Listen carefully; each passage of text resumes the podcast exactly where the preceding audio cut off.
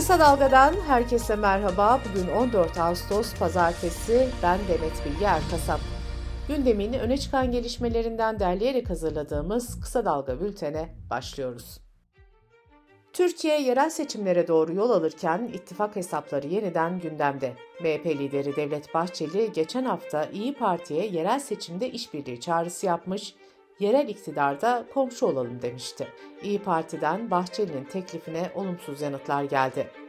Parti sözcüsü Kürşat Zorlu, milliyetçileri İyi Parti'de buluşmaya çağırdı. İyi Parti Genel Başkan Yardımcısı Ahmet Zeki Üçok ise MHP'ye şu çağrıyı yaptı. IMF politikalarını uygulayan AK Parti'yi terk edin, İyi Parti'nin yanında yer alın. Bu arada İyi Parti lideri Meral Akşener'in 26 Ağustos'ta bir konuşma yapacağı ve seçime ittifaksız gireceklerini açıklayacağı öne sürüldü. MHP Genel Başkan Yardımcısı Semih Yalçın ise İyi Parti'nin büyük bir yanlışa düştüğünü savundu. Yerel seçimler ilişkin bir başka ittifak açıklaması da CHP Genel Başkanı Kemal Kılıçdaroğlu'ndan geldi. Türkiye'nin huzuru ve geleceğinin söz konusu olduğunu söyleyen Kılıçdaroğlu, Türkiye'yi düşünen muhalefet partileri bir araya gelirler dedi. Saadet Partisi çatısı altında birleşerek mecliste grup kuran Saadet Partisi ve Gelecek Partisi ise yerel seçimlerde ortak hareket etmeye hazırlanıyor.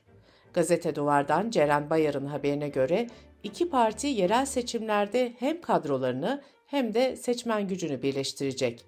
İki partiden birinin güçlü olduğu yerde güçlü olan partiye destek verilecek. İktidar Partisi AKP'de de yerel seçim çalışmaları sürüyor. Hürriyet gazetesinin haberine göre Ankara, İstanbul ve İzmir gibi CHP'nin yönetimindeki yerleri kazanmak için çalışma yapan AKP, bu illerin büyük ilçelerini analiz edecek. İstanbul'da Ekrem İmamoğlu'nun aday olması durumunda karşısına güçlü bir aday çıkarılması gerektiğinin altını çizen parti kurmayları, HDP'nin İstanbul'da aday çıkarması halinde ise muhalefetin kaybedeceğini savunuyor. Bu arada AKP Genel Başkan Yardımcısı Hamza da Kasım ayından itibaren yerel seçimler için adayların belli olacağını söyledi. Seçimler konuşulurken kamuoyu araştırmaları da devam ediyor. Asal araştırmanın son anketine göre genel seçim olması halinde AKP %33,5, CHP ise %23,7 oranında oy alabiliyor. Son günlerde Türkiye'nin farklı bölgelerinde peş peşe depremler meydana gelirken İstanbul Valiliği'nin depreme hazırlık çalışmalarına ilişkinde yeni bilgiler paylaşıldı. Milliyetin haberine göre deprem hazırlıkları kapsamında yöneticilerin de afetzede olacağı düşünülerek İstanbul'un 39 ilçesine 39 vali görevlendirmesi yapıldı.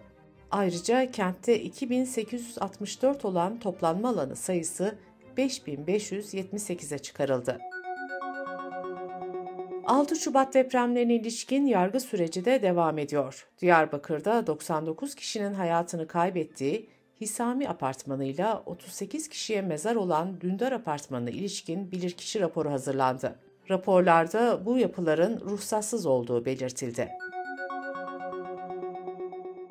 Muğla'nın Milas ilçesinde maden sahasını genişletmek için Akbelen Ormanı'ndaki ağaç kesimine karşı çevrecilerin nöbeti devam ediyor.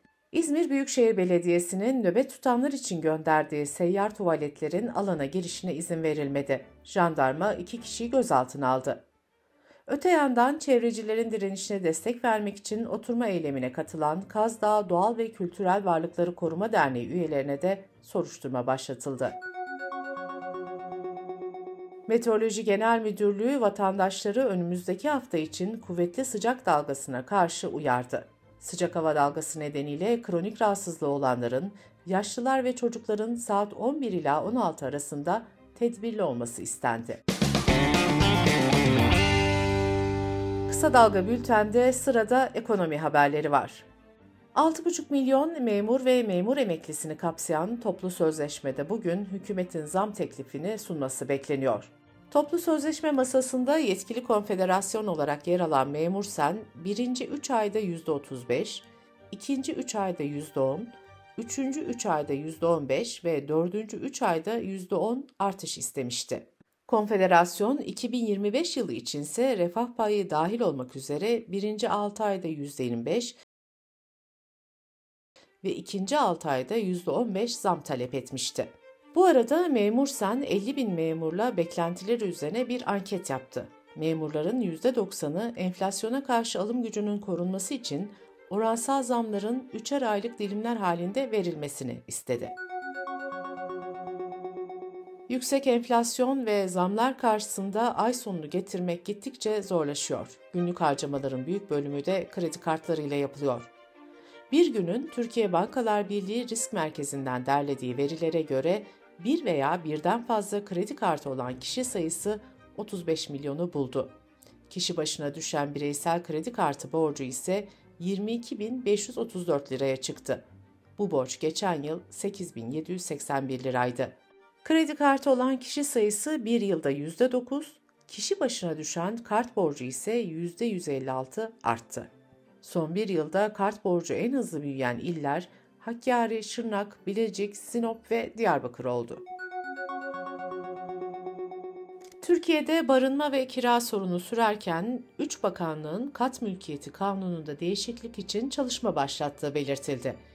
TRT Haber'e göre bu çalışmayı Çevre Şehircilik ve İklim Değişikliği, Adalet ile İçişleri Bakanlıkları yürütüyor.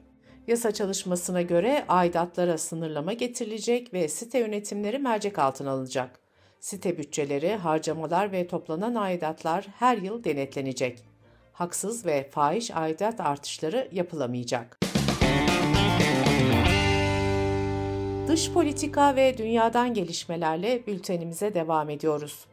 Rusya Savunma Bakanlığı Karadeniz'de Ukrayna limanına doğru hareket eden kuru yük gemisine uyarı ateşi açıldığını bildirdi.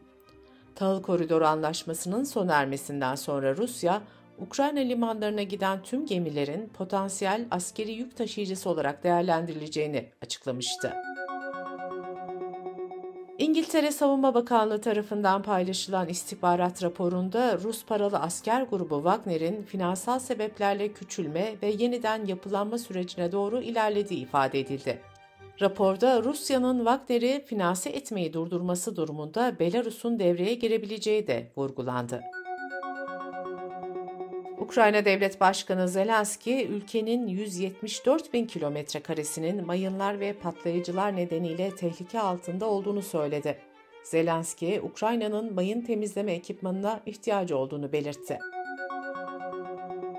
Savaş sürerken Ukrayna'nın Odessa kenti ilk kez sınırlı sayıda plajı halkın kullanımına açtı. Hava saldırısı alarmı verilmesi halinde plajlar yeniden kapatılacak. Odessa'da sahillerde patlayan mayınlar yüzünden kent sakinlerinin güvenliği için sahil halka tamamen kapatılmıştı. Odessa sakinleri plajların sınırlı da olsa açılmasını memnuniyetle karşıladı. Belçika Silahlı Kuvvetleri LGBTİ artılarla dayanışmak amacıyla ilk kez onur yürüyüşüne katıldı. Cumartesi öğleden sonra başlayan ve hafta sonu devam eden etkinliklere birçok siyasi parti de destek verdi. Belçika medyasına bağlı kuruluşlar da ortak bir tırla etkinliklerde yer aldı. Yürüyüşe 74 farklı delegasyondan oluşan yaklaşık 140 bin kişi katıldı. Almanya'da Sol Parti'nin soru önergesi üzerine hükümet Müslümanlara ve camilere yönelik saldırılarla ilgili verileri açıkladı. Buna göre Haziran'ın sonuna kadar Müslümanlara ve camilere karşı aşırı sağcıların fail olduğu 258 suç işlendi. Amerika'nın Hawaii eyaletinde devam eden orman yangınlarında hayatını kaybedenlerin sayısının yüze yaklaştığı açıklandı. Bu yangınlar son 100 yılda en fazla can kaybının yaşandığı orman yangınları olarak kayıtlara geçti. ABD Başkanı Joe Biden bölgeyi felaket bölgesi ilan etmiş, zararların tazmin edileceğini açıklamıştı. Ve Covid-19 yeniden dünyanın gündeminde. Dünya Sağlık Örgütü 9 Ağustos'ta Eris varyantına ilişkin bir rapor açıklamıştı. Sağlık Örgütü'nün raporunda bu varyantın küresel olarak yayılabileceği ve vakalarda artışa neden olabileceği kaydedilmişti. Fransa Halk Sağlığı Kurumu COVID-19 şüpheli vakaların %25 artış gösterdiğini duyurdu. Birleşik Krallık Sağlık Güvenliği Ajansı da ülkedeki vakaların arttığını ve her 7 vakadan birinin Eris varyantı olduğunu açıkladı. COVID-19'un yeni varyantının belirtileri ise şöyle sıralandı. Boğaz ağrısı, burun akıntısı, burun tıkanıklığı, hapşırma, öksürük, yorgunluk ve kas ağrıları. Bültenimizi kısa dalgadan bir öneriyle bitiriyoruz. Azmi Karaveli'nin Meclis Başkan Vekili ve Yeşil Sol Parti Milletvekili Sırrı Süreyya Önder'le yaptığı söyleşiyi kısa dalga.net adresimizden ve podcast platformlarından dinleyebilirsiniz.